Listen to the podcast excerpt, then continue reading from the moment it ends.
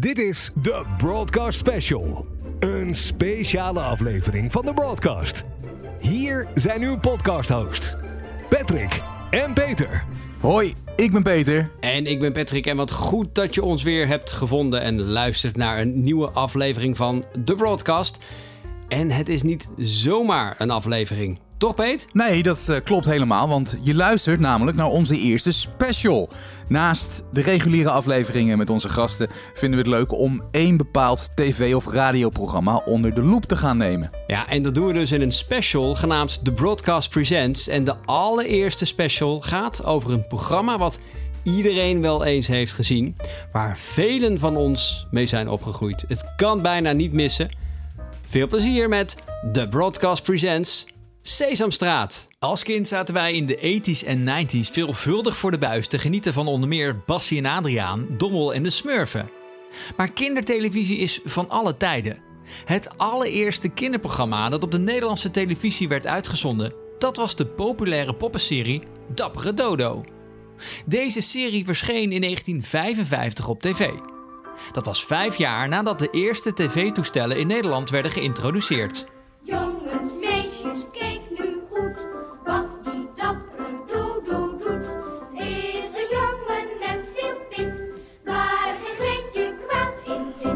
In de jaren 60 werden het aantal programma's voor kinderen wat uitgebreid. Zo konden kinderen onder andere kijken naar Ricky en Slingertje, Paulus de Boskabouter en uiteraard de legendarische Fabeltjeskrant. Oh ja, en Zwiebertje natuurlijk, hoe kan ik hem vergeten? Deze jeugdserie werd in 2001 uitgeroepen tot beste kinderprogramma van de afgelopen 50 jaar. Daar komt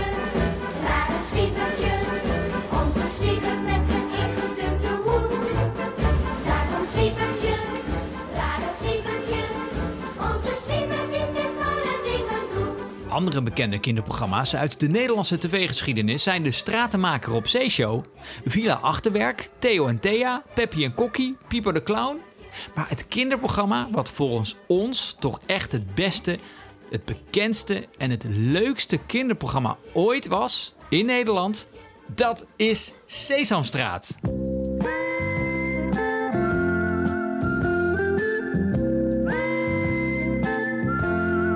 Sesamstraat was voor het eerst in Nederland te zien in 1976. Het programma was een bewerking van het Amerikaanse kinderprogramma Sesame Street, wat al op de Amerikaanse tv te zien was vanaf 1969.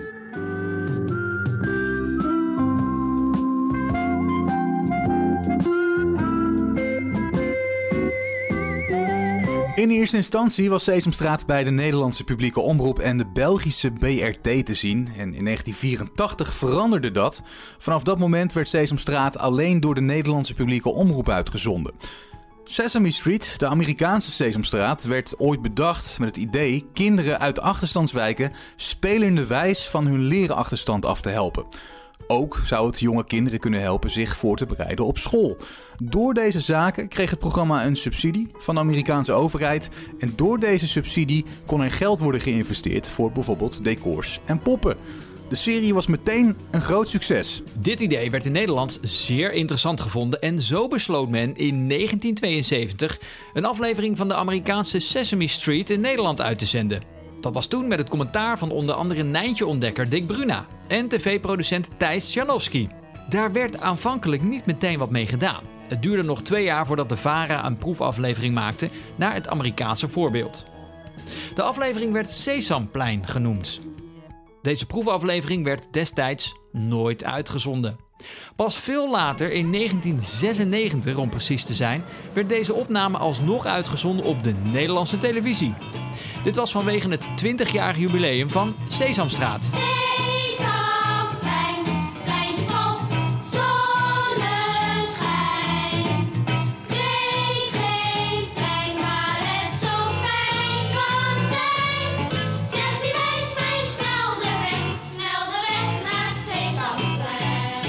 Ondanks dat Sesamplein niet werd uitgezonden op de televisie, waren de NOS en de BRT erg enthousiast over de proefaflevering. Er werd dus ook besloten om het een vervolg te geven onder de naam Sesamstraat. De eerste aflevering werd uitgezonden op 4 januari 1976 en het is tot op de dag van vandaag nog steeds op tv te zien. Sesamstraat,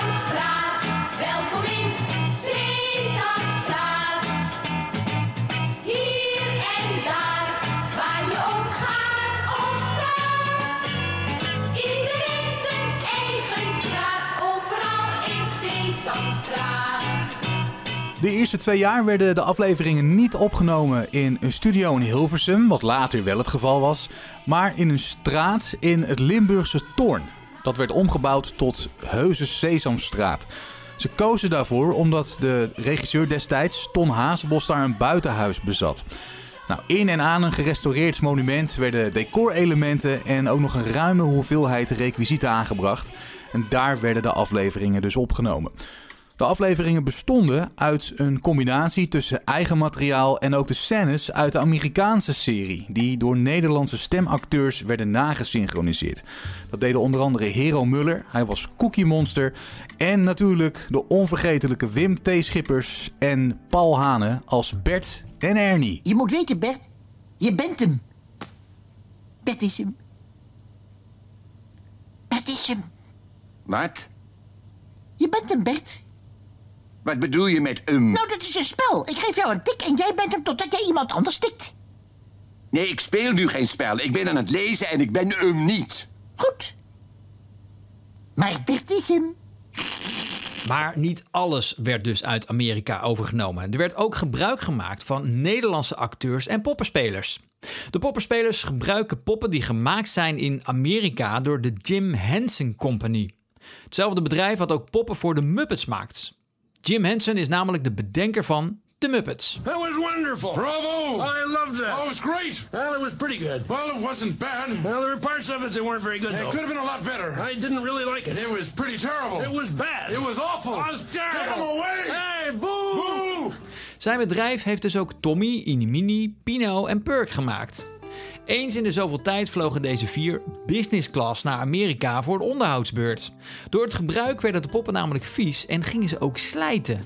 En ik praat in de verleden tijdvorm, omdat in 2018 tot dusver natuurlijk de laatste aflevering van Sesamstraat is opgenomen.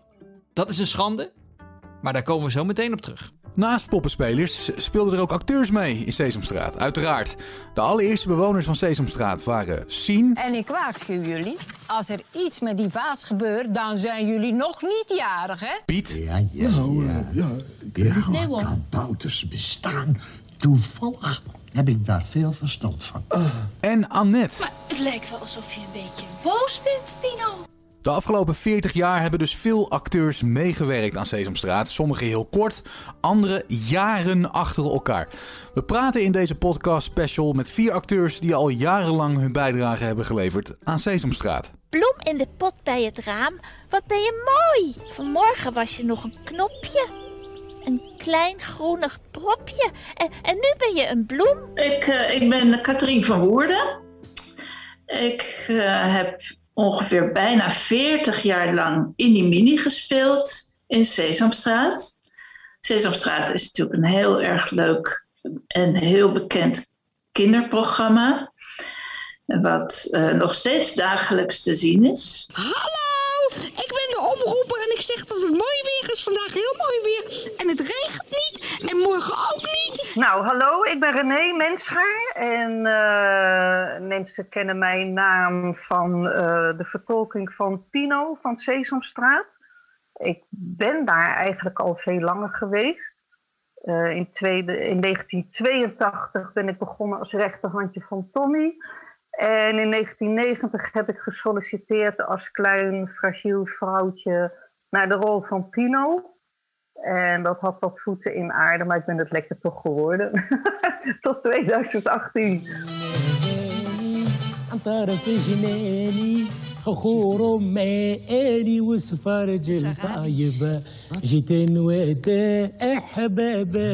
Dat is een andere taal. Dat zong mijn oma vroeger. Altijd. Als ze vloog. Als, als wat? Als ze vloog. In, in een vliegtuig of zo? Nee, nee, nee. Op een vliegend tapijt. Ja. Ik ben Hakim Traidia, acteur, eh, regisseur, schrijver. Maar al die dingen zijn minder bekend dan mijn echte rol bij Sesamstraat als clown, memespeler. Wat ik eh vertolkte al volgens mij 35 jaar of 34 jaar. Ik win nooit één spelletje. Ik heb altijd pech. Ik gooi steeds een één. Hier, kijk maar. Ja, Zie je wel? Ja. Weer een één. ja. Ja, ja. Ik ben Frank Groothof.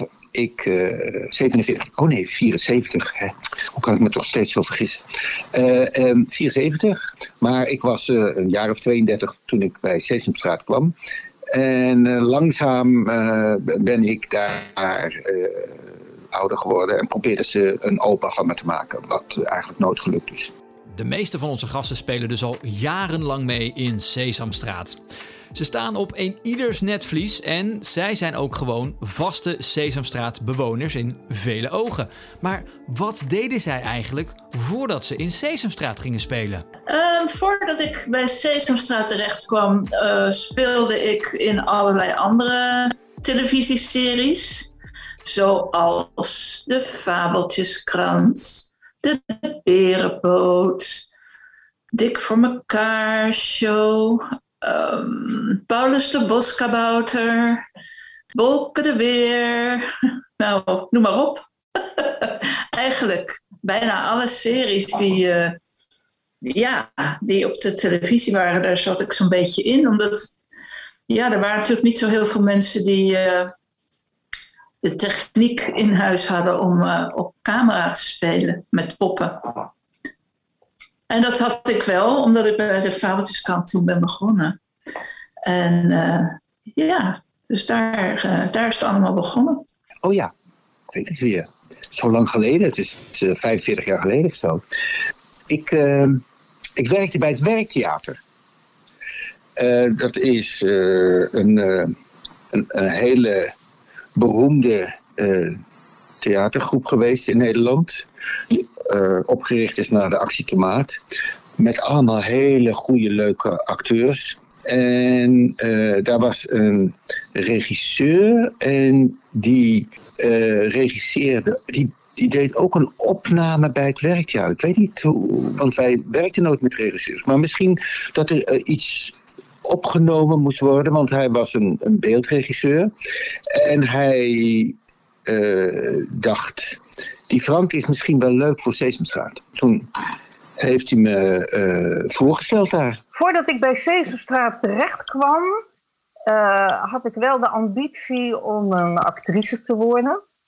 En ik heb een jaar eh, eh, op de toneelacademie in Maastricht gezeten. En na een jaar werd ik daar ook weer, eh, ben ik daar ook weer weggegaan met een hele hoop anderen hoor. Dat, dat is gewoon de eerste selectie. Toen wist ik eigenlijk niet meer zo heel goed wat ik wilde doen.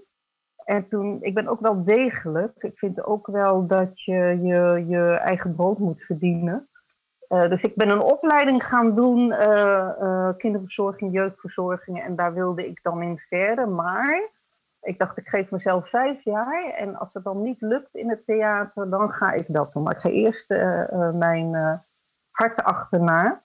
En toen ben ik in Utrecht uiteindelijk na die studie terechtgekomen in het Werftheater. En daar deed zij dingen met poppen. Eh, maar goed, ik, ik, ik kwam daar en ik moest auditie doen en ik had geen ervaring en ze zag mij niet zitten. En ik zei, geef mij drie dagen en dan kom ik met iets. En dat was heel leuk uiteindelijk. En, en, en, en het grappige was, eh, eh, zo gauw een pop vastpakte en daarmee aan de slag ging, dacht ik echt letterlijk, halleluja, dit is het. Dat is zo'n gekke gewaarwording. En, eh, en zij heeft mij, Yvonne Groeneveld, zij heeft mij het vak geleerd. Bert Plagman, die Tommy speelt, eh, die woonde ook in Utrecht. En die ben ik, nou, na tien jaar of zo in de kroeg tegengekomen. En die deed allerlei projecten en die zocht een assistent. En dat klikte enorm met hem. En eigenlijk, doordat hij mij introduceerde in dat televisiebestaan, vond ik dat nog veel leuker dan theater. Theater is ook een eindeloos herhalen van iets. En televisie, wat, wat jullie ook hebben, weet je wel, met, met audio, elke dag is anders. Voordat ik bij Sesamstraat begon, heb ik theater gedaan. Gewoon op, ik speelde op het Leidsplein, op straat op het Leidsplein. En ik sprak toen de taal niet, want ik kom echt uit toneelschool. En omdat dat ik de taal niet sprak, toen ik naar Nederland kwam, heb ik gewoon mime gedaan. En dat was het beste middel om met mensen te kunnen communiceren en mijn verhalen te kunnen vertellen of te doen wat ik wilde doen. Althans, een deel van wat ik wilde. En ik moet zeggen dat het werkt heel goed. Dus iedereen kon me begrijpen. Um, er waren heel veel toeristen, Amerikanen, Duitsers, eh, Engelsen, Chinezen, Spanjaarden, Japanners. En ik zat zelfs bij Polygon Journaal toen als een eh, attractie. eh, ja, een van de hoofd. De, de, de dingen die aantrekkelijk in Amsterdam waren. Dus je ziet Amsterdam, je ziet de, de, de boten, je ziet de, de grachten. En Hakim ook op het Leidsplein aan het spelen. Ja, dat is wat ik eigenlijk deed. Ik heb altijd dit gedaan. Ik theater eh, te- tekenen. Ik was ook tekenaar. Ik tekende de eerste jaar toen ik naar Nederland kwam, tekende ik portret op straat van mensen. Ik ben ook tekenaar, strips, eh, portretten, schilderen. De meeste acteurs die moeten eerst auditie doen voordat ze uiteindelijk een rol krijgen of niet. Dat is normaal. Maar was dat bij Sesamstraat ook het geval? En hoe zijn ze eigenlijk in Sesamstraat beland? Ik hoefde geen. Oh, oh ja, misschien moest ik. eh, ik heb het nooit als een auditie ervaren. Aart Staartjes is eh, degene die dat allemaal eh, georganiseerd heeft en gezorgd dat het er kwam. Net zoals Klokhuis, maar eerst heet Sesamstraat. En ehm, hij liet me gewoon een scène spelen en dacht, die moeten we hebben. Die is leuk, die jongen. Hij- gaf je vertrouwen, weet je wel, ehm, dat ik het wel kon. En dan, kan je het ook. Hij begon het zo leuk te vinden dat hij dacht, ik ga zelf ook meespelen. Weet je wel, eh, een paar maanden later eh, werd hij meneer Aert. Want eh, eh, ja, de, de, de, de kinderwereld is vol met volwassenen die eh, met hun eigenaardigheden niet eh, altijd aardig, eh, niet altijd eerlijk en zo. Die tegenstelling tot kinderen. En eh, ja, dus we wilden een goede afspiegeling zijn van de wereld van het kind. Dus er moest ook een vervelende meneer Aard in. En ik was een eigenwijze volwassene die het ook allemaal dacht dat hij beter wist. En, zo. en eh, daar hadden die eh, arme kinderen, die poppen, Tommy, Inimini en Pino mee te dealen. Nou ja, die hebben het overleefd, inderdaad. Er was helemaal geen auditie trouwens. Toen ik bij Sesamstraat kwam, heb ik helemaal niet geauditeerd. Ik werd gebeld door meneer Aart, Staartjes. Eh, die belde mij en die zei tegen mij, hey, meneer Hakim. En toen ehm, eh, zei hij, kan je aanstaande zondag langskomen bij ons in Sesamstraat? We willen graag met, met jou ehm, samenwerken. En ehm, toen ben ik daar naartoe gegaan en heb ik meteen een act gedaan van mij. Die is meteen opgenomen en die is gebruikt meteen in Sesamstraat. En ik werd gezien door, of gesignaleerd door meerdere mensen. Door Kathleen Warners, de hoofddrama, hoofdamusement van de VARA. Die was toen producer bij Sesamstraat. Die zag mij en die heeft mij toen eerst bij Sonja Barend gebracht. En daarna voor Sesamstraat. En ook Egbert van Hes, dat was een regisseur. Die werkte voor Sesamstraat, maar ook die maakte eigenlijk eh, alle concerten van Prins. En eh, ja, die heeft mij gezien. Die heeft het ook verteld aan Aart. En ook vrienden uit Brabant. eh, wacht, ik vergeet zijn naam, ik heb een blackout nu. Willy Brodfrikka. Die, toen, die zat toen bij de brandpunt op de markt, volgens mij. En toen heeft hij mij gezien, daar heeft hij, heeft hij opnames met mij ge- gemaakt. En toen zei hij tegen mij, zou je niet naar Sesamstraat willen? Toen zei ik, ja, dat, eh, ik vind je echt geschikt voor Sesamstraat. Ik zei, oké, nou, ik ga, eh, ik ga met de Aard praten. Ik dacht, nou, dat zou hij nooit doen. En ja hoor, het heeft Aard aan mij verteld later. Hij zei, Willy Brodfrikka, kom naar mij. En die heeft me verteld dat hij jou heeft gezien. Dus ik heb andere, ken de andere kant van Willy Brodfrikka dan dat... die, die vervelende, dat vervelende mannetje. Maar ik vind hem ik vind een heel leuk man. Het is gewoon een spelletje.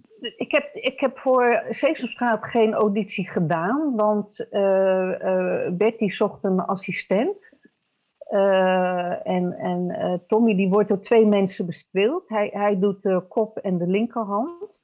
En iemand moet dat rechterhandje doen. Je bent letterlijk een rechterhandje. Dus, dus inderdaad eh, eh, mond dicht en volgen. Meer, meer is het niet. Maar je leert ook op een monitor kijken. Hè? Dat een spiegelbeeld en weet ik wat allemaal. Het enige wat ik moest doen, eh, want dan hadden we nog Job Pannenkoek als eh, regisseur en, eh, en zijn vrouw Kathleen Warners.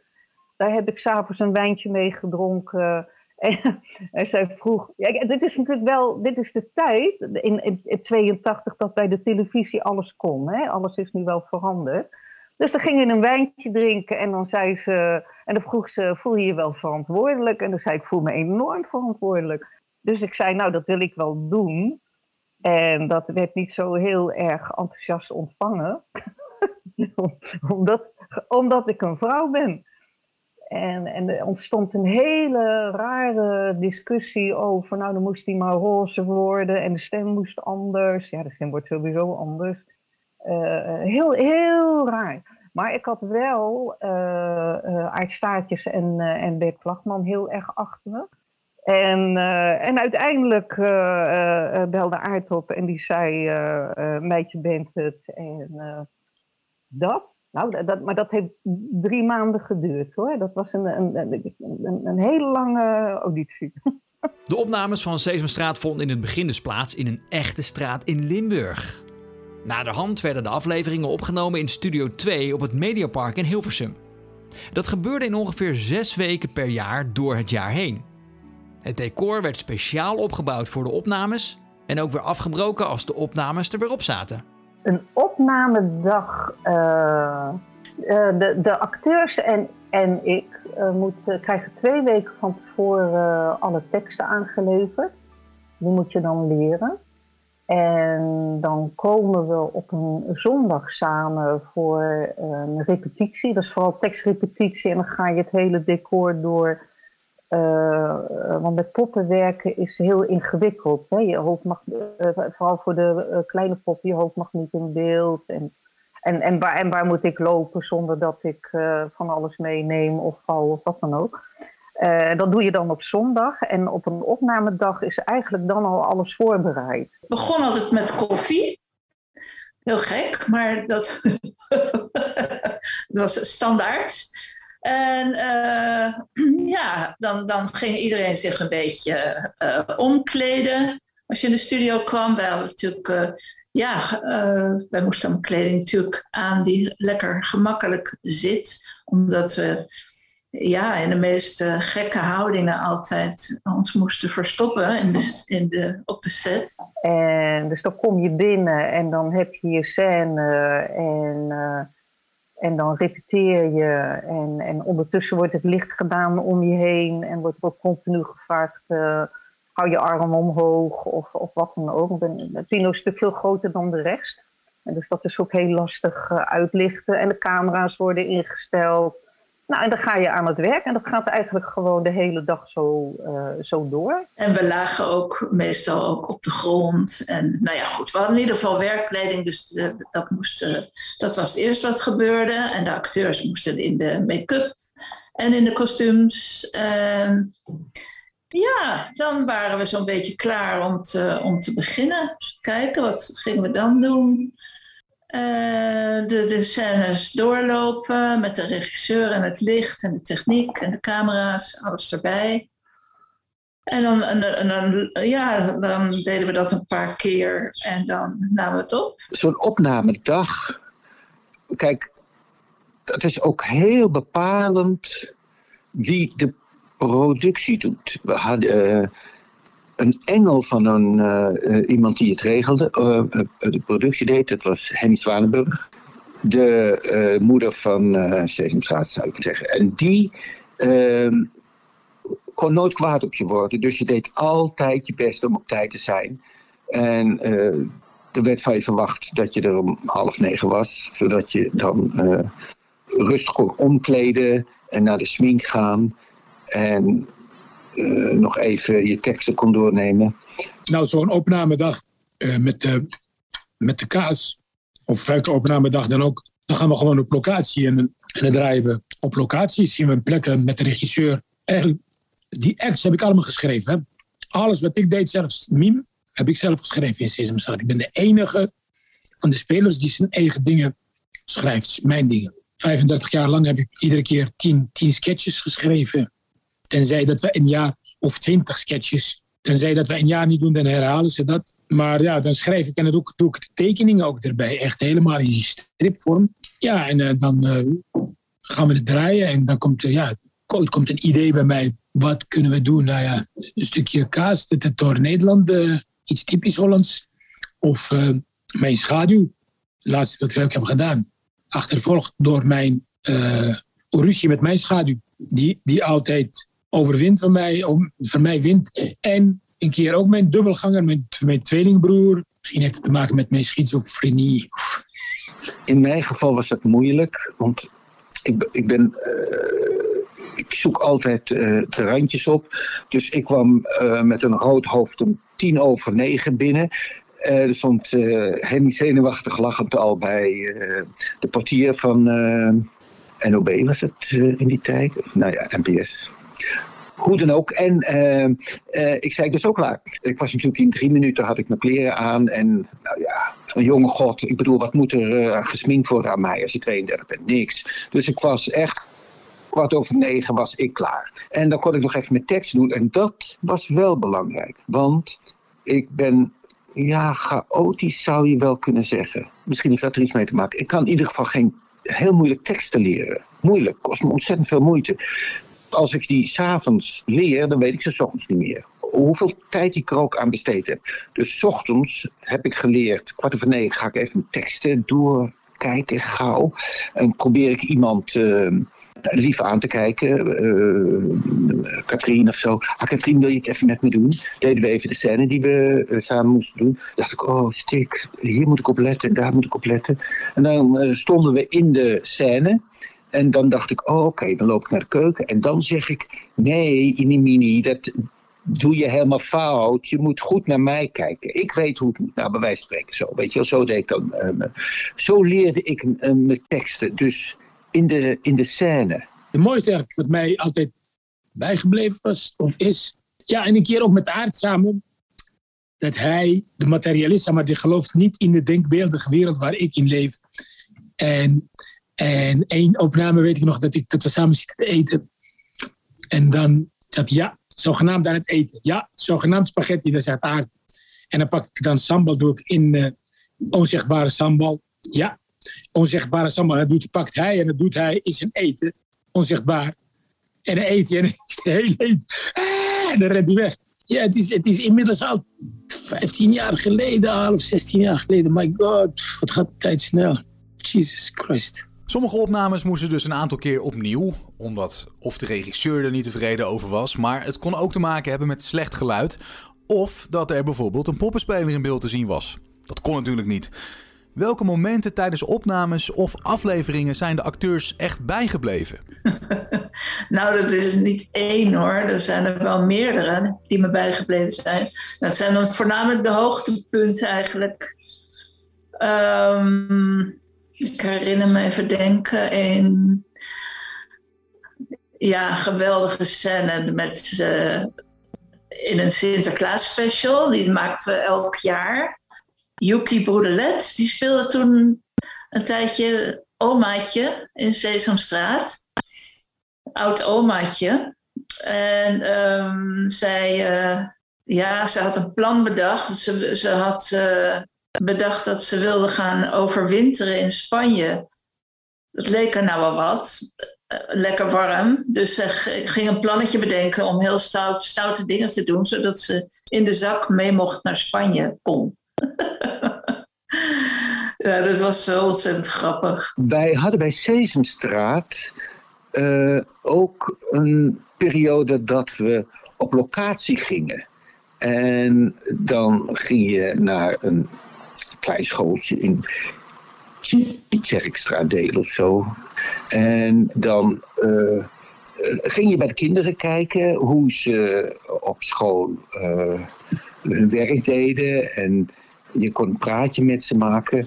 Dat was altijd ontzettend leuk. We hadden een verschrikkelijke leuke ploeg ook. Uh, een cameraman. Uh, oh, vreselijk. Vreselijk leuk deze aardige cameraman die hield gewoon de camera gewoon op uh, kinderen, ook al gebeurde er niks. Waardoor die kinderen aan die, uh, die camera merk, uh, wenden en gewoon hun, hun, hun dingen deden die ze aan het doen waren. Dus bijvoorbeeld leren hun schoenen te strikken. Ik herinner me dat, dat we, ik weet niet meer bij welk, ik geloof 20 jaar, Sesamstraat, dat we de hele studio was één sneeuwlandschap. Dus overal lag, lag sneeuw. de hele studio, het is een gigantisch grote studio. Het zat helemaal besneeuwd met alles, het hele decor met sneeuw en alles. Dat was prachtig gedaan. En eh, toen moesten Inimini en Tommy eh, op stelten moesten wij ehm, eh, ja, aankomen lopen, zeg maar. Dus dat, dat deden we dan heel met, met een hoogwerker erbij en alles. Dus dat was, eh, ja, dat was heel spannend. Was een keer was er een jongetje die, de juffrouw zei nou, eh, Petertje, laat maar eens aan Frank zien hoe goed jij je schoenen al kan strikken. En Petertje begon en het ging helemaal fout. Want het is ook heel moeilijk voor die kleine handjes om zo'n veten en dat dan strak te doen zoals wij dat kunnen. Dat was helemaal los en dat ging helemaal fout. En het, het, hij, hij begon bijna te huilen. En toen zei ik, nee Stobbert, je moet het zo doen. En toen, en toen ging ik het voordoen. En toen knoopte ik mijn hele vingers vast. Waardoor ik het nog veel fouter deed als hij. En hij, hij helemaal blij werd. En opeens, het kon. Er gebeurde een wonder. Hij kon het opeens, omdat hij zag dat ik het totaal niet kon. Wat mij is bijgebleven is sowieso mijn eerste dag. Die was dramatisch. Eh, op de een of andere dat, die, dat pak is gemaakt in New York. En eh, ik was daar zelfs ook heen gegaan omdat ze mijn maten niet begrepen. Eh, dus dan krijg je dat pak aangeleverd. En dat, dat was op de dag dat, dat we al moesten werken. Dus ik kon ook van tevoren niet even kijken of het goed voelde of wat dan ook. En, en hij paste niet op mijn hand. Dus na twee seconden eh, eh, had ik het gevoel dat het niet meer ging. En het eerste wat je natuurlijk denkt bij zoiets nieuws, ik kan het niet, ik heb iets ondertekend en nou zit ik eraan vast en ik stel iedereen teleur en weet ik wat allemaal. En Bert, die, dat was natuurlijk al een hele goede eh, poppenspeler in die tijd. Die deed zijn hand erin en die zei, nou dat ligt niet aan jou, maar dat ligt aan. En toen is er een, een poppenmaker ingevlogen en die heeft er van alles aan gedaan. En toen ging het weer goed. En toen is het ook nooit meer fout gegaan. Ik heb ook wel eens een keertje. eh, we gingen ook naar eh, scholen. eh, bijvoorbeeld waar kinderen met verstandelijke handicap of lichamelijk handicap. En daar kon ik ook altijd zo mee donderjagen. En dan ging ik extra wild met ze in, in, in het bad. En dat vonden ze het einde. Of ik ging aan ze sleuren, weet je wel, in die rolstoel. Dan trok ik aan het been en dan gingen we rondjes. En dan waren ze het gillen van het lachen. Ja, dat vond... Dat zijn top, top herinneringen. Aan alles zitten natuurlijk leuke en minder leuke kanten. En dat zou ook gelden voor de acteurs uit Sesamstraat. Al lijkt het ons moeilijk voor te stellen. Wat waren nou de minder leuke dingen of herinneringen aan hun Sesamstraatperiode? Nee, ja, alleen het eind vond ik minder leuk eigenlijk. Voor de rest heb ik het alleen maar leuk gehad. Het is gewoon het allerleukste wat je, wat je kunt bedenken om te doen. We namen maar een, eh, een aantal weken per jaar op. Hè? Een week of zes meestal, vijf, zes per jaar.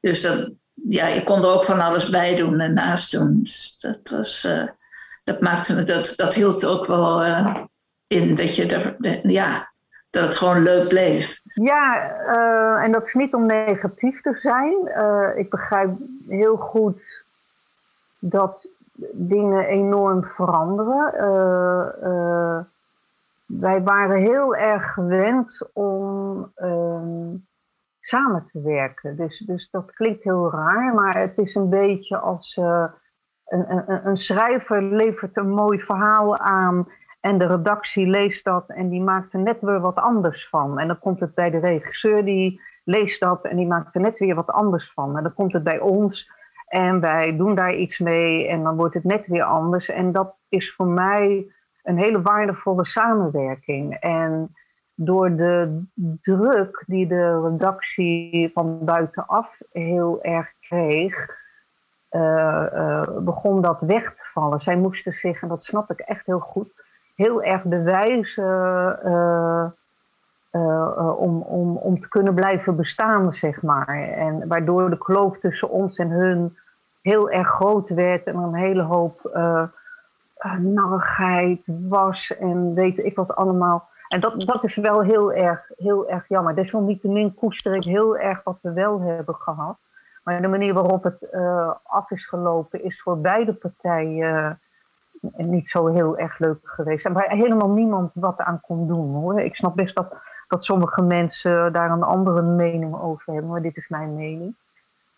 Eh, en dat, dat, dat was wel heel erg jammer. Minder leuke herinneringen. Nou ja, misschien op het, op het laatst kregen we in de gaten dat Sesamstraat misschien weg zou gaan. Dat het te duur was.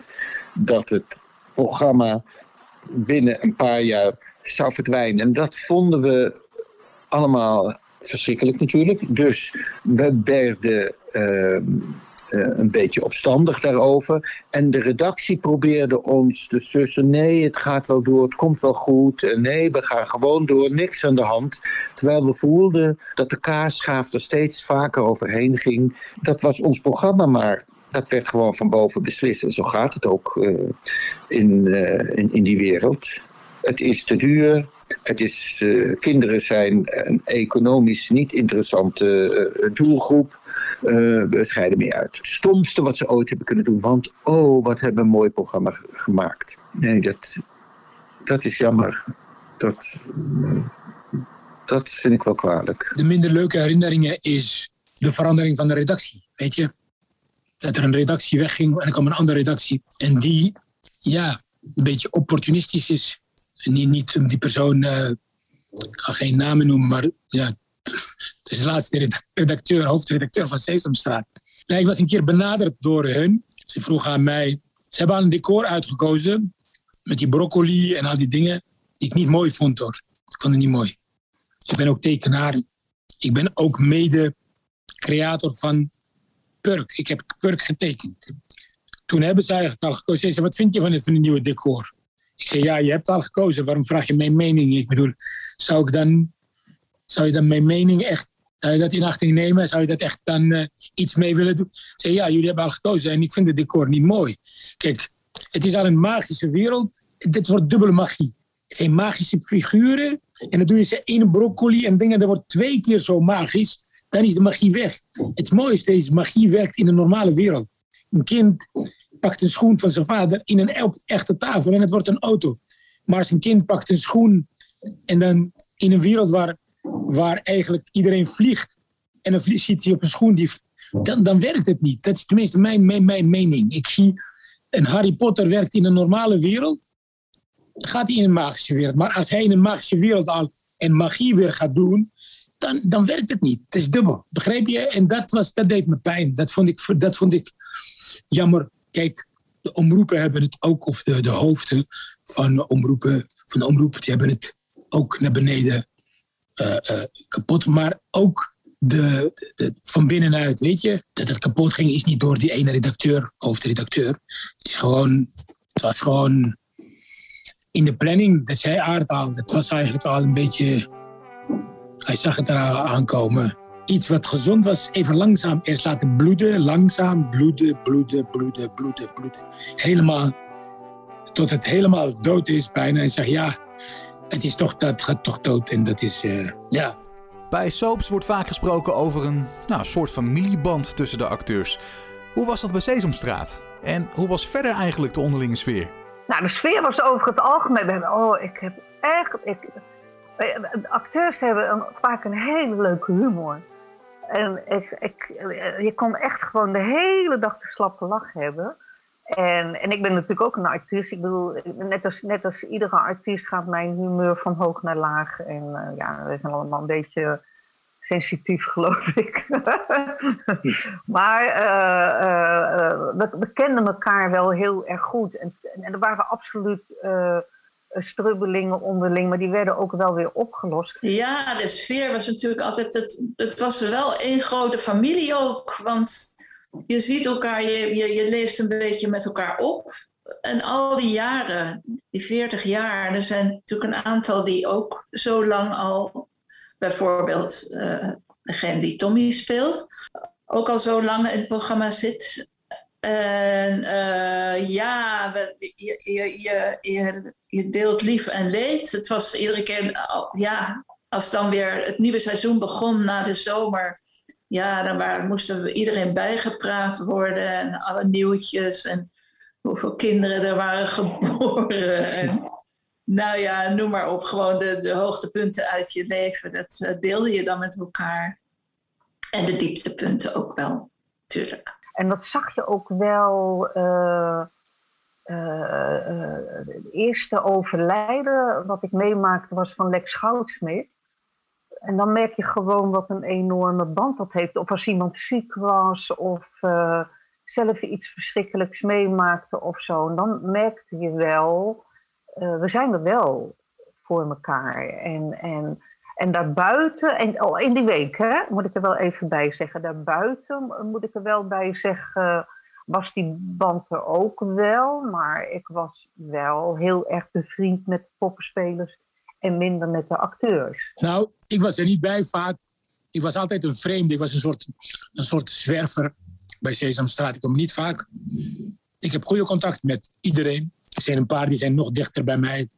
Die ik mag, waar ik mee veel heb gewerkt, ook in het buitenland. Bert Plagman van Tommy. Ben ik met hem naar Algerije geweest, naar Ecuador, naar de Filipijnen. Goed, en met Frank Groothof ben ik ook vaak bij hem geweest. Ik heb met hem gewerkt. Katrien. Maar ik merk wel dat onderling waren wel... Sommige mensen konden echt niet met de anderen communiceren. Eigenlijk alleen maar warme herinneringen. Ja, het was. eh, Sesamstraat is eigenlijk mijn tweede familie. Alle eh, mensen die daar werkten, die eh, ja, één keer in de zes weken of acht weken een week lang zag. Ja, dat kan nooit fout gaan. Ga je jezelf nooit irriteren aan, aan- aan iemand. Want je, ziet hem, je bent veel te blij dat je ze weer ziet en dat je weer. Je werd er vreselijk in de watten gelegd, zei ik, hè, Henny. Zorg dat we heerlijke lunches hadden. En er was, nee, het, was, was een topplek. Dat had Rick toen met, eh, ja, met wie? Volgens mij met Bert. dus eh, ik had met Rick ook, had ik ook wel goede contact hoor. Ik, eh, eigenlijk met iedereen. Ik vond soms zien, waar ik heel veel respect voor het miste het begin, maar ik vond haar een beetje soms heel bot. De, film vond ik soms. Eén keer, één keer, dat kwam, dat kwam eh, en is niet om, om, haar eh, zwart te, te schilderen. Ik ga zwart schilderen, sorry Gerda, ik bedoel niks meer. Eh, dat, zij, dat, zij, dat zij kreeg. nee, dat, dat we allemaal moesten. Rick was toen als een, woordvoerder. Die, had een advocaat geregeld. Daar moesten we allemaal geld betalen omdat hij heeft voorgeschoten. En iedereen moest 50 euro betalen. Rick was er niet meer, die was, eruit gegooid. En toen zei ze: Ja, hoe, waarom moeten we 50 euro geven? Ik Ja, wie- kan het zeggen. Ja, iedereen heeft 50 euro. En toen, die man heeft het uit zijn zak betaald. En toen zei Gerda tegen haar, ja, waarom niet? Die man heeft, nou, toen was, ze boos op Gerda. Ja. En, en, eh, en ik vond Gerda gelijk hebben. Maar ja, dacht ik, toen ontdek je ja, dat er eerst goede vrienden met elkaar zijn. En dan valt er iemand uit de, de, de, groep dat je niet loyaal bent. Weet je, je moet gewoon loyaal blijven, vind ik. Het waren allemaal sterke persoonlijkheden, allemaal. Iedereen. En stuk voor stuk. Het zijn allemaal sterren. Tenminste, allemaal bekende mensen in hun vak. Frank was een, een bekende acteur in Nederland. Aard, dat was, was bijna God. Lex Houtsmit was een hele goede vriend ook voor mij. Ik ging vaak bij hem langs en we spraken Frans ook samen. Sien, Paula, ja, iedereen. Iedereen was, daar, was een, een, een, eh, had zijn eigen visie. En het is niet een groepje, een klikje dat bij elkaar komt dat iedereen gelijk. Het zijn allemaal individuen. We waren allemaal heel relaxed. We konden helemaal onszelf zijn. Als we onze tekst maar een beetje eh, zeiden zoals eh, eh, het eh, in het script stond. Weet je wel, anders konden ze boven niet schakelen. Natuurlijk werden ze gek. Dat werden ze van mij, maar eh, dat moesten ze niet van de rest worden. Een ander Sesamstraat-icoon die in 1984 als vriend van Frank in Sesamstraat belandde, dat was het karakter van meneer Aard, gespeeld door Aard Staartjes. Aard Staartjes deed veel meer kindertelevisie. Zo heeft hij jarenlang de Sinterklaasintocht verslagen, deed hij mee aan de film van Ome Willem, JJ de Bom en speelde hij mee in Het Klokhuis. Meneer, meneer! Ik schrik me. Een vogel? Ik ben Pino. Wie ben jij? Ik ben Aard, dus meneer Aard. Ik ben net met de bus gekomen. Met de bus? Ja. Was het leuk in de bus? Ja, maar ehm, weet jij, eh Pino was je naam, hè? Ja. Eh, ik sta hier al een hele poos te wachten, hoor. Oh. Ja. S- Iemand zou me namelijk opkomen halen met de bus. Ja? Hier, een vriend zou me afkomen halen, maar Oh. die is er nog niet. Op 12 januari 2020 overlijdt Aart Staartjes aan de gevolgen van een ernstig auto-ongeluk. Wat was Aart Staartjes voor een man en hoe was het om met hem te werken? Het werken met hem op het toneel, of eh, tijdens de opnames. Die man wist altijd zijn tekst joh, echt goed. En ja, was een fantastische acteur. Als je naast hem stond, het is gewoon, ja, je kan daarop leunen. Je valt niet. En hij wist meteen, misschien was het niet, hij maakte een keuze snel. Dan, zat hij, dan zegt hij tegen mij, nee, doe maar dit, is goed. Dan doe ik dit maar. Misschien, misschien twijfelde hij ook. Het was ook een twijfelaar waarschijnlijk, maar dat liet hij mij niet zien. Is goed, ik ben een eeuwig twijfelaar. Maar misschien hij ook. Maar kijk, bij een andere twijfel ik niet. Dan zeg ik tegen iemand, nou doe dit, is goed. Maar voor mezelf twijfel ik, maar dat heb ik nooit bij hem gezien. Aard is voor mij altijd een heel bijzondere vriend geweest. Omdat hij, heeft mij bij Sesamstraat en ook bij Klokhuis. En hij was iemand die eh, je het vertrouwen gaf dat je het kon. Aan de keukentafel, vroeger ging het zo, hè? en dan gingen we naar hem toe. Aan de keukentafel lazen we het script en dan zei hij: Doe jij, dat was dan Klokhuis bijvoorbeeld, doe jij deze scène met eh, Hans en dan Peter met, nou ja, zo. Maar hij vertrouwde gewoon dat we dat goed eh, eh, voorbereiden. En dan deed je het ook. Dus dat vond ik eh, heel prettig aan Aard. Dat hij vol vertrouwen iedereen het gevoel gaf dat, ja, dat, dat, dat, ze, dat ze op, op, op hun plek waren. En, en daarbij had hij zelf een ontzettend leuke rol. Een hele, een, iemand die niet van kinderen hield. Nou ja, hoe leuk is dat om dat te spelen? Het was een man die had een geheim. Ik weet niet wat, maar hij had alles goed voorbereid. En eh, ik zag hem nooit. Oh, ik weet het niet meer. Oh, nooit. Nooit, never. Echt. Het is, eh ik gaf het gevoel dat hij alles op een rijtje had. En, ehm, en dat was mijn ervaring de eerste keer dat ik met hem ging, ging schrijven of denken aan mijn, aan mijn acts. Nou, had ik altijd, hij kookte nog voor mij. De eerste eten uit de magnetron was bij meneer Aard. Ik heb nooit een magnetron gezien in mijn leven, was bij meneer Aard. Had hij aardappels in de magnetron gedaan. En die waren daarna heel lekker. Zegt. Nou, dan houdt hij zijn eigen vocht. En ik heb het geproefd en sindsdien doe ik dat altijd. Als ik helemaal niet weet wat ik moet eten, dan zet ik een paar aardappels in de magnetron. En dan eet ik op en dan denk ik, dat is recept van meneer Aard. Een bijzondere man. Ik, vond hem, ik, vond hem, ik had een fijne relatie met hem. Altijd. Altijd. Aard was ontzettend fijn om mee te werken. Omdat hij een, een constante factor in de, in de scènes. Hij, eh, ja, hij, hij kende altijd zijn tekst perfect, bijvoorbeeld. En hij kon er ook tegen als wij eh, gingen improviseren, bijvoorbeeld. Dus de dingen die hij niet, die hij niet in zijn tekst had staan, die, eh, nou, daar ging hij dan heel soepel mee om. Dat was ook heel prettig, dat hij daar niet van in de war raakte. Dus het was heel fijn om met hem te spelen, vond ik altijd. Ja, verder gewoon een ontzettend eh, aardige man. Ook, ook eh, ja, soms had hij ook wel een beetje zijn, zijn- buitjes, maar eh, zoals iedereen. Nou, Aart en ik eh, konden lezen en schrijven met elkaar in, in, in werk. En, en, en eh, eh, een van de redenen was dat wij er heel erg belangrijk vonden om onze tekst te kennen. En dan kan je ook een beetje sparren met elkaar van hoe ga je dat doen. En het was een, die man, die, dat, dat was zo'n ongelofelijke vakman. Die, die kende alle in en out. Die wist precies wa- wanneer een camera aanstond. Ik bedoel, wij hebben onze monitoren, maar zij hebben dat natuurlijk niet. En kon ons aan het eind nog allerlei kneepjes van het vak leren. En, en van zo iemand neem je dat gewoon neem je dat gewoon aan. En eh, ja, ik vond het een heel fijn mens om mee te werken, ja. Iedereen heeft zijn eigen jeugdherinneringen aan aardstaartjes. Of het nou is van de Stratenmaker op Zeeshow, Klokhuis, de Sinterklaas-intochten of van Sesamstraat. Het is niet fijn om dood te zijn. Dat maakt me soms een beetje bang. Het doet geen pijn om dood te zijn, maar dood zijn duurt zo lang. Generaties Nederlanders groeiden met hem op. Vrijdagmiddag in Leeuwarden raakte Staartjes zwaar gewond bij een verkeersongeluk.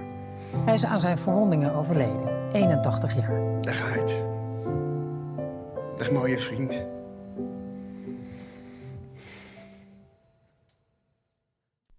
Aardstaartjes heeft zich eh, wel eens in de media uitgelaten dat hij het niet eens was met het feit dat Sesamstraat naar andere tijdstippen werd verplaatst.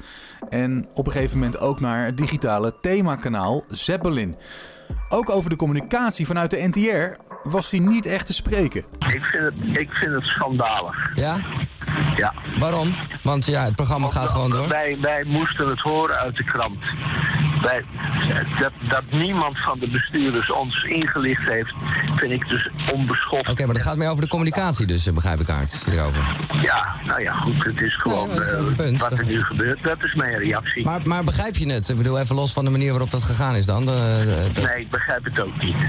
Ik zat precies, ik zat achter hem, ik zat achter hem en ik zat, hij weet er meer van. Het was, het was, oh, het was ook de hoofdredacteur, hij heeft zoveel kinderprogramma's gemaakt. Ik vond de tijd waar het stond, was de ideale tijd. En daarna eigenlijk, de ondergang begon toen Sesamstraat ging naar Zeppelin. Of al die kinderprogramma's gingen allemaal naar een soort, een soort crash. Dat je je eigen kind brengt bij iemand anders en die gaat ervoor zorgen. Dus jij maakt het kind en degene mag hem uitlaten wanneer hij dat wil. En Nee, nee niemand, niemand, niemand kan voor, voor een kind zorgen dan de eigen ouders. Daar stond, daar stond ik helemaal achter. Hij heeft zich echt ook wel eh, hard gemaakt voor het programma hoor. Tuurlijk moet je soms je kind ergens naartoe brengen omdat je geen tijd meer hebt. Maar dit is echt nu echt helemaal je kindje zetten daar en eh, nou ja.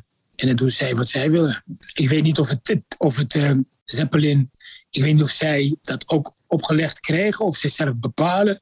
Maar de tijd waar het uitgezonden werd, was niet de goede, de goede tijd. Het is steeds, steeds, een andere tijd, steeds eerder in de, in de dag. Het, grappige is, toen ik Tino wilde spelen, toen was er al sprake van om het programma te wippen. Sesamstraat is, is ook financieel een, een heel dominant programma. En ik snap best wel dat als wij er niet meer zijn, dat dat er heel veel andere deuren open kunnen gaan.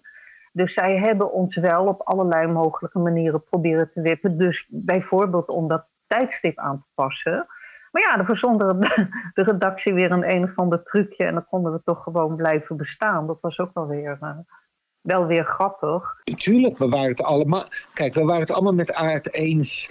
Uh, Aard was degene die uh, op de barricade stond en zijn programma, wat hij had gemaakt met Klokman, helemaal in het begin, een, een, iets wat nog helemaal niet bestond voor, voor kleuters.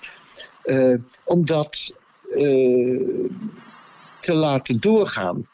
En, en, en hij heeft de publiciteit ge gezocht en wij waren het helemaal met hem eens. En wij stonden echt erachter, want wij wilden ook heel graag. Wij zagen hoe belangrijk het programma was. De, de hele tactiek was heel slim van de leiding van boven. Eerst waren we om half zeven dat hebben we twintig jaar hebben we om half zeven gestaan. Uh, en daarna dus een kwartiertje Sesamstraat, een kwartiertje Klokhuis, zeven uur, het jeugdjournaal. Een prachtig blok voor kinderen.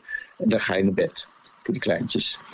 Maar we werden naar een andere tijd gezet, half vijf of half zes, een totaal andere tijd. Op een gegeven moment kwam ook een themakanaal terecht, kanaal 27 ja, het was zo goed dat er één programma was. wat je leuk met je kinderen kon kijken. maar waar je je kinderen ook veilig naar kon laten kijken. terwijl jij aan het koken was. omdat het een verantwoord, goed programma was. Ik heb op een gegeven moment wel, en dat is persoonlijk. In het laatste jaar. zeker aan het eind heb ik mij gedistanceerd van die boosheid. Om, omdat ik ook wel zag dat het geen zin had. Soms, soms moet je ook gewoon accepteren dat iets voorbij is. En, eh, en het is natuurlijk al een wonder dat een programma zo lang heeft bestaan. Eh, en eerlijk gezegd eh, werden wij ook wel een bejaardensociëteit. Aard heeft zich daar vreselijk kwaad over gemaakt. Het was gewoon een vechten tegen de bier, bierkaai. En eh, we, we hebben het zo lang mogelijk het vlot eh, drijvende proberen te houden. En uiteindelijk eh, is het eh, gezonken. Jammer, ja. Catherine en René spelen dus een karakter via een pop. Respectievelijk Inimini en Pino. Maar hoe werkt zo'n pop nou precies? Nou, Inimini is een, klein, een kleine pop, de allerkleinste pop van de, van de vier. Eh, heel licht, heel prettig om te bespelen. En ik heb dan mijn eh, ene hand in de kop.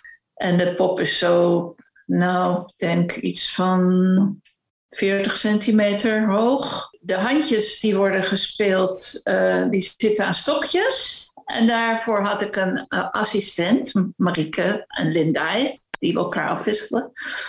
Ehm, ja, die speelde dan eh, de, de handjes, zodat die handjes ook gewoon echt handelingen konden doen.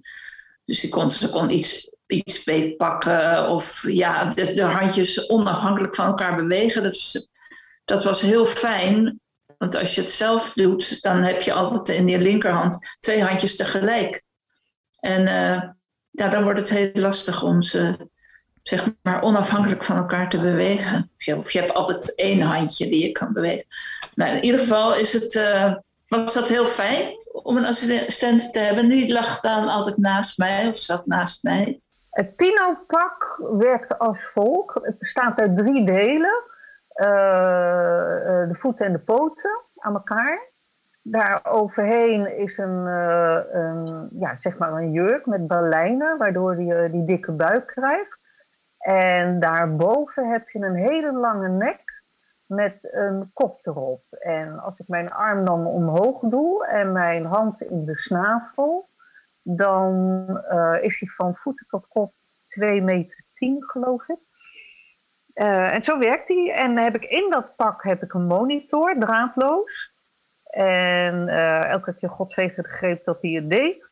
En, en een eh, microfoontje, want het was eh, live action, wat heel fijn is. Dus als een acteur iets lolligs zegt, dan kun je daarop reageren of niet. En, en alles wat. Dus, dus we hadden drie camera's. Dus alles wat de camera's registreren, dat zie je op die monitor. Dus ook de schakelingen. Want, want je kan met je hand, als ze zeggen kijk in beeld, dan, dan, dan eh, mijn, mijn handen hebben geen ogen. Dat zien ze niet. Dus dat moet ik op die monitor zien. Dus ik, ben, eh, ik was helemaal bepakt en bezakt in dat eh, pak. Ik kan beter bovenhands werken dan poppenspelers in theater die werken voor hun lijf. En dat is een aanslag op je schouders en weet ik wat allemaal. Echt gewoon bovenhands. En, dat klinkt heel gek, maar je hebt de afleiding van dat plaatje op die monitor. Waardoor je niet nadenkt over waar je mee bezig bent. Je denkt alleen maar... eh, je denkt niet eens, ik, ik doe dit. Je denkt alleen maar, wat, wat doet Tino nou? Oh, dat kan die ook, weet je wel. Van, eh, en dat is een enorme afleiding. En, en die moeheid, die voel je na een week. En dan moet je echt een week bijkomen. Maar echt niet, niet als, je, als je bezig bent. En Waar ik wel last van had, was de hitte. Het was vreselijk warm in dat pak. En de laatste weken hadden we ook nog eens een keer een hittegolf. En daar ben ik echt bijna onderdoor gegaan. Dat was eigenlijk veel erger. Als je vaker luistert naar de broadcast, dan eh, weet je onderhand dat we een vraag hebben die eigenlijk altijd terugkeert. Hoe is het om steeds herkend te worden, op straat bijvoorbeeld? Maar hoe is dat als je je stem verleent aan een pop? Herkennen mensen je dan ook op straat? En wat zeggen ze tegen je? Nee, ik ben twee keer aan mijn stem herkend. Ja, ik heb bij Albert Heijn, bij de jongen van de vleeswarenafdeling. En één keer in de, toen ik gewoon iets vroeg. Dat was heel grappig. Eh, en, en één keer toen ik met mijn kinderen in een winkel was, ergens in het oosten van het land. En de, de mevrouw van de winkel die her, meende ook iets te herkennen. Dus die eh, vroeg me ook, mag ik u iets heel geks vragen? nou, dat was, zijn de enige twee keer geweest in mijn eh, carrière als Edemili. mijn normale stem is natuurlijk toch niet echt die van Inimini. Ik heb het altijd ontzettend leuk gevonden dat kinderen mij herkenden. En, en volwassenen natuurlijk ook, ouders, eh, die eh, samen met hun kinderen naar Sesamstraat kijken. Hé hey Frank, ik had heel veel vriendjes en vriendinnetjes. Hoe leuk kan het zijn? Mensen vonden mij, eh, mensen, ja, die, vonden, mij- die, die, die, die, die dachten dat ik net zo leuk was als de Sesamstraat. nou ja, goed. En, ja, ik, ik, ik, ik heb ervan genoten van dat de kinderen mij herkenden en eh, eh, dat, ze vonden, dat ze voelden dat ik hun vriend was. Ja, ik, ik vind kinderen zo leuk, weet je wel. Ik vind ze ontroerend, ik vind ze... Ja, dus als die om mij heen en, en tegen me aanpraten en, eh, contact met mij maken, ja, hoe leuk is het dan allemaal? Nee, dus, dus ik, ik, heb, ik, ik ben een geluksvogel dat ik aan uh, Sesamstraat heb mogen meedoen. Zeker. Ik ben nooit herkend op straat. eh, eh, en ik heb er eh, ook heel erg bewust voor gekozen destijds. het was allemaal voor internet nog. Om niet daarmee naar buiten te treden. Ik zag al heel snel wat een, een, een BN, een BN-leven, dat, dat moet je liggen. Mij ligt dat helemaal niet. Ik, ik vind het helemaal niet interessant. tenzij tenzij het een reden heeft, weet je wel. Eh, zeg ik niet zo snel eh, dat ik dat doe. Ik, ik, vind het, ik vind het niks toevoegen. En, en Lex Goudsmit zei eens een keer heel mooi... het lastige van BN'er zijn is dat je nooit weet wie je vrienden zijn. En mm, toen had ik iets, nou dan is de keus helemaal makkelijk. En eh, we hadden dat allemaal, hoor. alle popspelers hadden dat. Wij hadden helemaal die behoefte niet. Nee, nee. Dus als we ergens heen moeten en de paparazzi stond daar, dan eh, liepen wij om of wat dan ook. dat wilden wij gewoon echt helemaal niet. Nee. Poppenspeler, het is een vak apart. Kleine kinderen willen vaak politieman worden of piloot of ballerina, maar poppenspeler, dat wordt eigenlijk nooit genoemd. Maar mocht je nou toch poppenspeler willen worden, hoe word je dat dan? Ja, hoe word je popster? Nou ja, ik ben in, in gerold eh, ooit via mijn, eh, mijn echtgenoot. Eh, die, maakte, die, werd, die had een opdracht om kostuums te maken voor de Holiday on Ice show van de Fabeltjeskrant figu- figuren. Dus die kwam daar in de studio om foto's eh, te maken van die, van die poppen. En toen werd hem gevraagd of hij nog iemand wist die poppen kon spelen voor in het, eh, bij de Fabeltjeskrant. En ik was op dat moment, eh geloof een beetje werkeloos.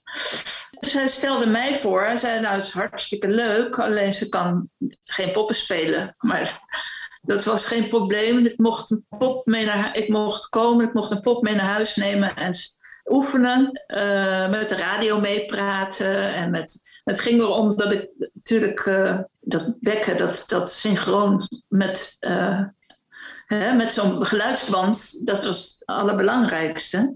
En natuurlijk het spelen op zich. Want het, die, ja, die poppen die bewogen natuurlijk ook op een bepaalde manier. En het was, ja, dat, ik had dat heel snel onder de knie op de een of andere manier.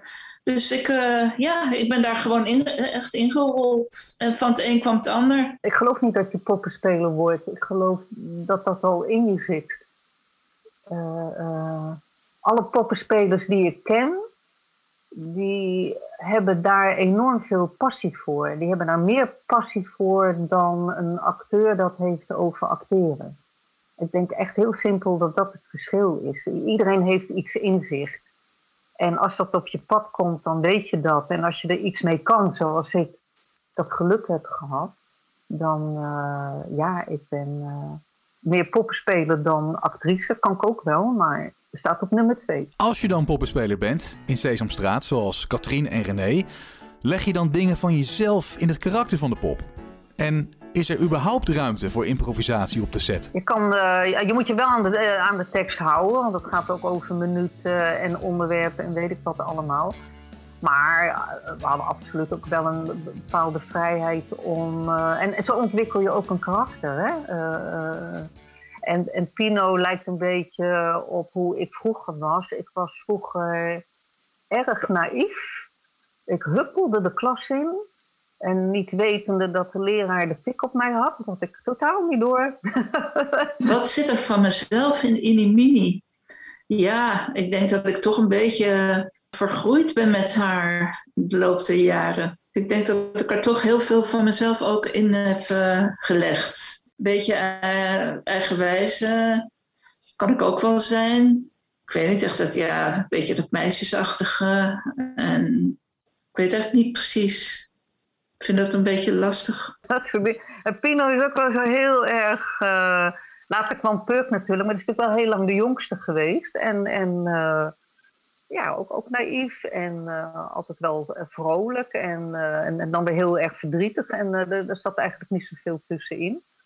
En dat was ik, dat was ik ook wel. Dat naïeve is er wel uit. Eh, ehm, maar ja, ik denk dat, ik denk dat Bert ook dingen van zichzelf in Tommy heeft gestopt. En Katrine ook van zichzelf in Inimini heeft gestopt. Dat, dat, dat doe je gewoon. Veel programma's waar sprekende poppen in zitten zijn of waren een succes. Denk bijvoorbeeld aan de Fraggles of aan de eerder genoemde Muppet Show. Wat is nou dat succes van sprekende poppen? Ik denk net als in sprookjes eh, eh, dieren en kinderen samen iets hebben. Ze zijn fluffy en eh, je kan ze aaien en, eh, en, eh, en dan praat het ook nog eens een keer. Ik denk dat dat voor kinderen gewoon, dat dat altijd werkt. Tenzij het een eng beest is, maar dan nog werkt het. Ik denk echt dat het zo simpel is. En dat is anders dan met een, een, een mensenpop is, is iets heel anders dan een dierenpop. Hè? Dus ik denk dat een mensenpop niet had gewerkt binnen zo'n programma als Sesamstraat. Denk ik echt. Eh, Dat, dat de, ja, ik denk dat de kinderen zich eh, makkelijker kunnen identificeren met een pop als met een eh, mens. Of een, ja, een acteur of een actrice. Dat is veel. spreekt ook aan. Zoals kinderen natuurlijk sowieso ja, poppen leuker vinden dan, dan mensen.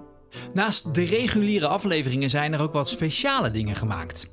Zo zijn er een aantal Nederlandse muzikanten te gast geweest waarmee de bewoners duetten zongen. Zo zong Pino onder andere met Agda de Munnik, Karel Emerald en ook André van Duin. En ook Inimini die heeft een lekker mopje gezongen. Zo ging zij onder andere in duet met Giovanka, Ernst Daniel Smit en Treintje Oosterhuis. Ja, dat was ontzettend leuk om te doen ook. Nou, in de eerste plaats natuurlijk de liedjes in te zingen. Voor onszelf was altijd ontzettend leuk om te doen. Eh, er zaten altijd heel veel liedjes in het programma. Dus we hebben daar heel veel eh, mogen zingen. En ja, die duetten, dat, dat waren eigenlijk liedjes die al bestonden. Die wij eh, al hadden opgenomen. Die gingen we dan opnieuw opnemen met een bekende artiest. Zoals Ernst Daniel Smit heb ik een liedje gedaan. Het was ontzettend leuk. Met Treintje Oosterhuis. Wouter Hamel. ja, herinner ik mij. Ja, dat was natuurlijk heel, heel grappig. Want bijvoorbeeld met de Wouter Hamel eh, ging Inimini eh in bad. En ja, dat was, maar hij, hij, hij deed het ontzettend leuk hoor. Maar dat was natuurlijk voor hem idioot om, om in een bad, moest hij bloot in bad zitten. Natuurlijk nou, de, bovenkant en, eh en Inimini. En ik zat daar dan onder dat bad met een gat erin waar die pop doorheen. En dan hadden we schuim en weet ik veel wat. Het was ontzettend leuk. En ja, de, de meesten pakten dat eigenlijk heel makkelijk op hoor, vond ik. Ernst Daniel Smit ook. Het was eh, ja, een soort heel mooi duet geworden. En hij, ja, ging allemaal heel, eh, heel vanzelfsprekend en natuurlijk eigenlijk. Fido. Fido. Dido. Dido.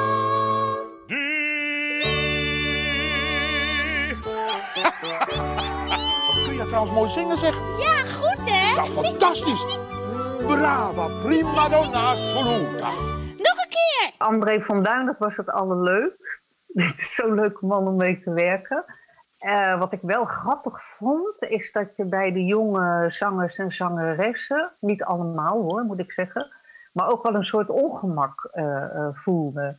Ehm, dat hebben we wel eerder gehad. We hebben eerder ook, ook prominente mensen in, het- in, in de straat gehad en die mochten ons dan voorlezen. En die zeiden dan later, ik heb nog nooit zoiets engs gedaan. en dat hadden die zangers ook wel. En dan staat er ineens een levensgrote vogel naast je. En dan moet je een lollig liedje zingen over een goudvis. was met Guus Meeuwis. En Guus had, had het, vond het wel leuk, maar die had het er volgens mij wel heel erg moeilijk mee. Ik heb het hem niet gevraagd, maar dat straalde die wel uit, ja. Ik noem mijn goudvis Hector en hij heeft een natte snuit. Maar Hector kan niet rennen en hij maakt ook geen geluid. Maar wat, dat was heel erg leuk om te doen. Ook voor ons. Het is ook, het is ook wel heel erg leuk om eh, uit je comfortzone te moeten stappen. eh, en, het, en iets moeten doen met iemand die daar nog nooit geweest is. Hè? Dat is. eh, want, ik, ja, weet je, het, eh, ik had wel mijn trucjes als ik ergens heen moest lopen. Dan legde ik mijn arm op de schouder van Frank of zo. Die sleepte me dan ergens naartoe. Maar ja, dat kon ik niet aan Guus Meeuwis vragen. Want die wist niet waar ik het over had. Van, lijkt mij, lijkt mij. Naast deze muzikale hoogtepunten is eh, de enige echte Sinterklaas ook jaar in jaar uit de gast geweest eh, in Sesamstraat. Speciale afleveringen waarbij wij als kind aan de buis gekluisterd zaten. Hoe was het nou om die afleveringen op te nemen? En hoe was het werken met bijvoorbeeld Bram van der Vlucht? Eh, Sinterklaas, we, we dachten dat het feest niet zou doorgaan. Oh, lieve Paula. Alles is goed gekomen hoor. Ja, ik heb mijn hoofdpiet terug en het feest kan beginnen. Ja, Bram was de ideale Sinterklaas. Een, een enorm aimabele eh, man. Zo'n Sinterklaas, hoe vind je ooit zo'n lieverd met zo'n warme uitstraling? En dan hadden we geweldige pieten eromheen allemaal. Sinterklaas, Sinterklaas, het is heel erg, maar we moeten dit jaar zonder chocoladeletters doen. Ja, ik ben stad en land ben ik afgereisd. Winkel in, winkel uit, maar nergens zijn nog chocoladeletters te krijgen. Maar je zou ze toch halen bij Sien? Die had ze apart gelegd, toch? Ja, ja, ja, maar ze is ze kwijtgeraakt, Sinterklaas, zegt ze. Zien. Bram van de Vlucht, met werk met Bram van de Vlucht, met Sinterklaas en Sesamstraat. Dat was. eh, hij, hij eh, was best wel een, een, een eh, over dat eh, de teksten moesten er goed in zitten, nog niet van afgeweken worden. En, en ik, wat ik ook wel snap hoor, die rol van Sinterklaas was sowieso volgens mij een uitputtende tijd voor mensen die Sinterklaas spelen. Maar hij, hij speelde die rol echt met verven. En, eh, en dan hadden we ook, eh, ook de Pieten. Dat zou trouwens nou ook niet meer kunnen. En terecht, eh, als ik dat ook nog even mag zeggen. Echt met Zwarte Piet. En dan hadden we ook nog dat echt paard in de studio. Americo.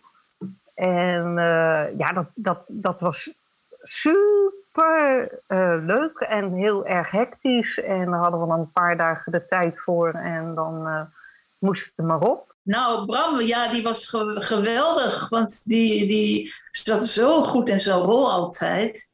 En nam het heel serieus. En eh, ja, ik, ik had altijd wel een zwak voor Bram. Het is een ontzettend aardige man. En eh, ja, ik kon altijd goed met hem, eh, met hem opschieten. En tussendoor ook gewoon lekker grapjes maken. En een beetje flauwekul. En heel leuk. Eh, dat was werkelijk het, inderdaad voor ons ook, het eh, hoogtepunt, feest van de... En er werd er iedere keer weer een verhaal. verhaal. Er was een mijter weg of de, de cadeautjes waren niet aangekomen. Of, eh, nou ja, of er was een Piet die ziek was. Of nou ja, van, van alles. Er werd iedere keer weer een, een, een leuke plot bedacht. En dan dan was je drie of vier dagen was je daarmee bezig in, in, eh, in de studio. Ja, dat, dat, dat zijn ontzettende leuke herinneringen. In 2019 werd door de NPO en NTR bekendgemaakt dat er een nieuw contract werd afgesloten met de Amerikaanse licentiehouder van Sesamstraat. In het contract stond dat er tot en met het najaar van 2021 geen nieuwe afleveringen gemaakt zouden gaan worden. Wel zouden er afleveringen herhaald worden, onder andere via NPO Zeppelin Extra, de NPO Zeppelin app en het Sesamstraat themakanaal op YouTube. Geen nieuwe afleveringen dus. Volgens de NTR was die beslissing moeilijk, maar heeft het de financiële middelen niet om ermee door te gaan.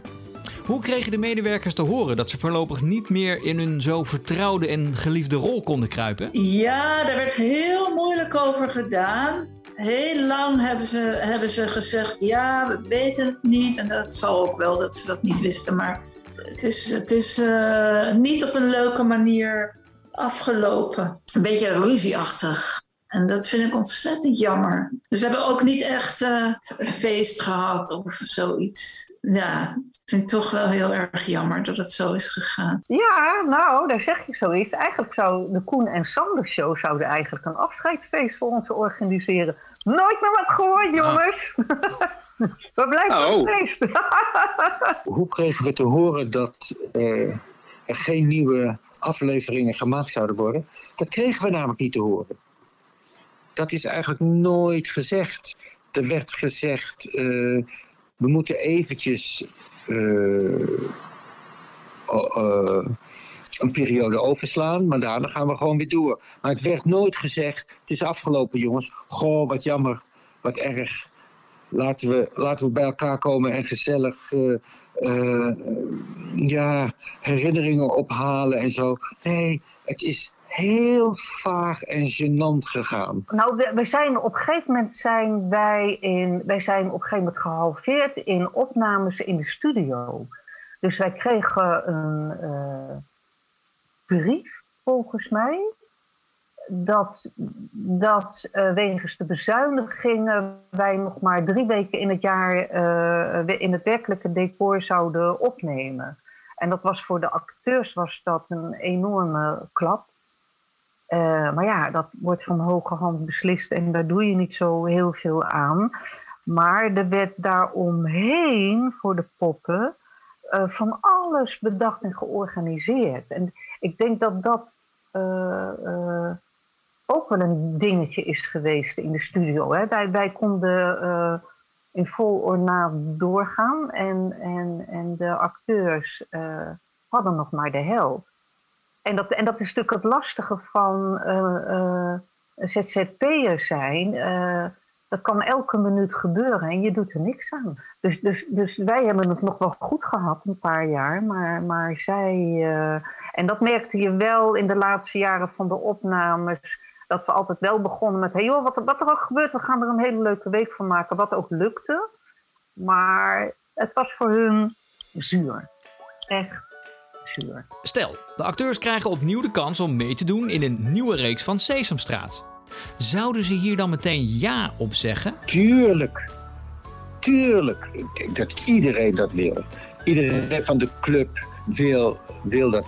Eh, Bert, die eh, Tommy speelde, die, die dacht we gaan gewoon door, we gaan het zelf organiseren. Weet je wel, dat is allemaal niks geworden. Want ja, ze wilden het niet meer, er was geen geld voor. Maar goed, ze, hebben een poging gedaan. Ik zou zo weer meedoen, ja. Maar ja, eh zit eens op zo'n... zo'n ik denk dat het de. Is de nieuwe generatie die, die het moet doen, een jonge generatie. Ja, als we een opa nodig hebben, dan kan een, een jong iemand ook een opa spelen. Ik wil het graag doen hoor. Ik vind het helemaal, helemaal leuk, maar. eh, ja, op een gegeven moment moet je de fakkel eens een keertje overdragen. Nee, ik verwacht niet dat het, tenzij dat wij, een paar van ons, heb ik al voorgesteld, gaan we stappen naar sponsoren. En dan zeggen wij, wij willen hetzelfde team van Sesamstraat van toen een eigen kanaal gaan beginnen voor een jaar. En dan willen jullie dat, vinden jullie dat de moeite waard om te doen? Ik denk dat het kan lopen. Dat het goed kan lopen. Een idee heb ik ooit met Bert daarover gehad. En ja, en toen kwam de dood van Aard. En toen, eh, Nee, voor mij is het echt een afgesloten hoofdstuk, ja. Nou, zeg maar tijdperk. ja. Nee hoor, ik ben, ik ben, eh, ik, ik ben bijna bejaard. Ik ben al bejaard. En eh, ik moet er niet meer aan denken om zo'n hele week in de studio voor de grond te te rollen en onder tafels. En het is heel intensief. Zo'n zo'n week was echt. dan moest je echt daarna twee weken. Moest, op laatst moest ik daar echt wel van bijkomen, twee weken. Dan weet je wel dat je weer een beetje. Ja, je, je maakt hele lange dagen en, en ja, je bent de hele dag eh, fysiek bezig. Maar je moest echt zorgen wel dat je in vorm bleef ook. Ja, dus goed eh, veel eh, trainen en eh, elkaar masseren en dat soort dingen. Ze gaan mij niet vragen, maar ik ga het ook niet doen. Om, om, om, echt om de reden wat ik nu benoemd heb. Van, eh, het is echt heel moeilijk afscheid nemen van iets wat je met eh, heel veel liefde hebt gedaan hoor. Eh, eh, maar ik denk dat dat voor iedereen met een leuke baan geldt als die de pensioengerechte leeftijd heeft bereikt. En laat wat over voor anderen. Dus ik koester de mooie herinneringen. En af en toe, tuurlijk bloedt mijn hart wel. Maar denk ik, oh, en nog één keer, nog één keer. Maar goed, het is dan niet. Sesamstraat. Een legendarisch kinderprogramma waar vele generaties toch wel met een warm gevoel op terugkijken. Maar wat is nou precies het succes van Sesamstraat? Het succes achter Sesamstraat, dat ben ik. nee, oh. Ik denk alles. Het is een recept. Alle ingrediënten. Ik denk de poppen, zeker. En het waren heel goede poppenspelers. Sowieso overal. Ik denk iedereen die, welke land dat ook was. Alle poppenspelers, volgens mij van ieder land, die waren goed. Maar de Nederlanders waren heel goed. Ik denk tijdloos. Gewoon tijdloos, herkenbaarheid. eh, eh, en voor ieder wat wils en, eh, en, en, en dat. Eh, de kinderen die nog kijken, dat zijn er eigenlijk ook helemaal niet zoveel meer. Eh, ja, die zeggen eigenlijk precies hetzelfde als, als, als de kinderen die toen destijds in de, in de studio kwamen. Eh, we- wij zijn hun idool. En eh, het, grappige is dat elk kind zich wel herkent in een van de poppen. Ik ben schijnbaar favoriet eh, bij de twee, driejarigen. En Tommy is favoriet bij eh, de ouderen. En Katrien is favoriet bij eh, de meisjes. Want die heeft een, een, Inimine heeft een garderobe van hier tot in Tokio. En, eh, en bij de homo's heb ik ook begrepen. nou ja, zoiets. De teksten, de verhalen. Het was echt een collectief in Nederland die echt schrijft voor Sesamstraat. De koor, Jim Henson, de bedenker, dat was meteen een gouden idee. En het mooiste ook bij Sesamstraat, er zit geen politiek, er zit geen religie, er zit geen etniciteit. Het is gewoon voor iedereen, iedereen herkent zich in, in het programma. Dus ik noem nu een paar ingrediënten. En ze kozen altijd de beste. Nou ja, het succes is natuurlijk het oorspronkelijke succes van Sesamstraat is natuurlijk de, educatieve, eh, het educatieve karakter. Dat is, dat is oorspronkelijk het idee achter Sesamstraat, hè, zoals het in Amerika is eh, ontwikkeld. Voor kinderen die, die niet eh, naar school konden, naar de, naar de kleuterschool. Dat in Amerika is, is kleuterschool in die tijd, in de jaren zeventig, nog alleen voor de, voor, de, voor de mensen met geld. Dus dat was particulier. Daar is Sesamstraat voor ontwikkeld. Juist die achterstands, eh, kinderen met een achterstand die niet naar school konden om die eh, van alles bij te brengen. Die konden dan overdag lekker naar de televisie kijken en, eh, en toch nog wat leren. Het succes van Sesamstraat was dat eh, we de kinderen serieus namen. Dat de kinderen mensen waren die met een eigen mening en waar je respect voor moet hebben. Ik kom natuurlijk uit de generatie. Dat je, kreeg meteen een, een, een, klap voor je kop als je, eh, als je voor je beurt sprak of zo. En, en dat is godzijdank veranderd. Eh, kinderen zijn gewoon kleine mensen met, met eigen meningen en, en vaak hele goede. En eh, ze zijn eerlijk, oprecht, allemaal goe- alle goede eigenschappen van de mensen zitten in een kind. Dus eh, ja, en dat. En daarom wilden we zo'n programma maken om de kinderen dat zelfvertrouwen te geven.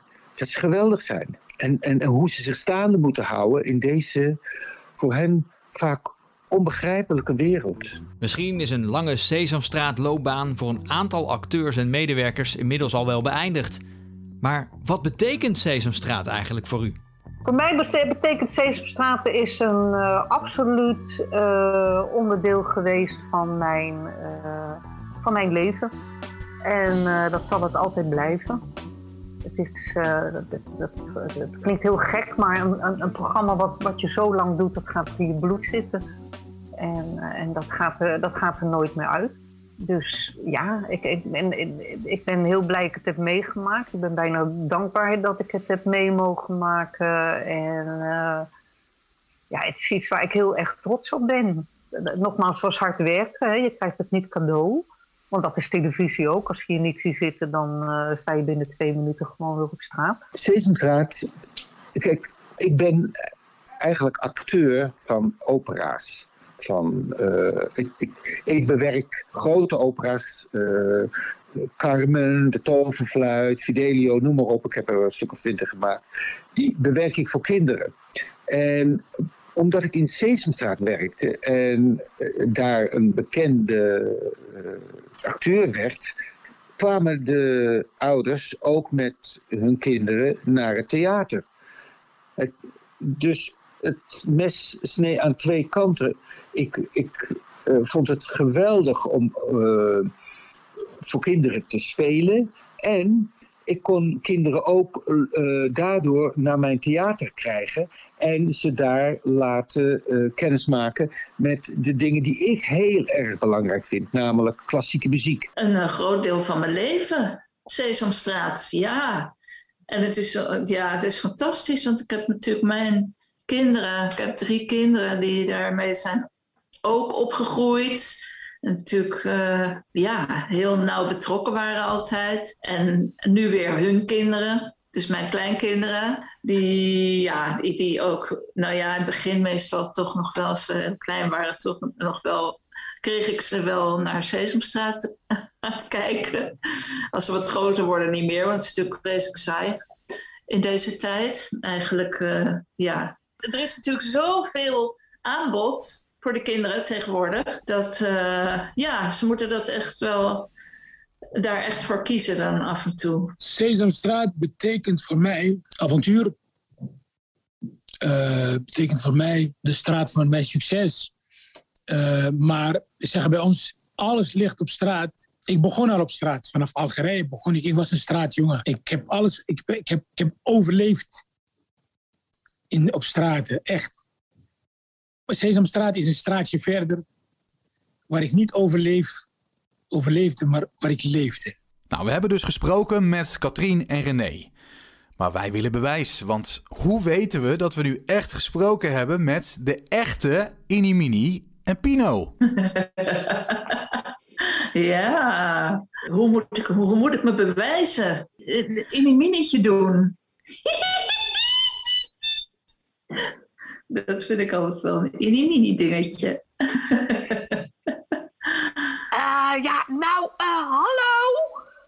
Wat een rare vraag. Ik, ik ben Pino.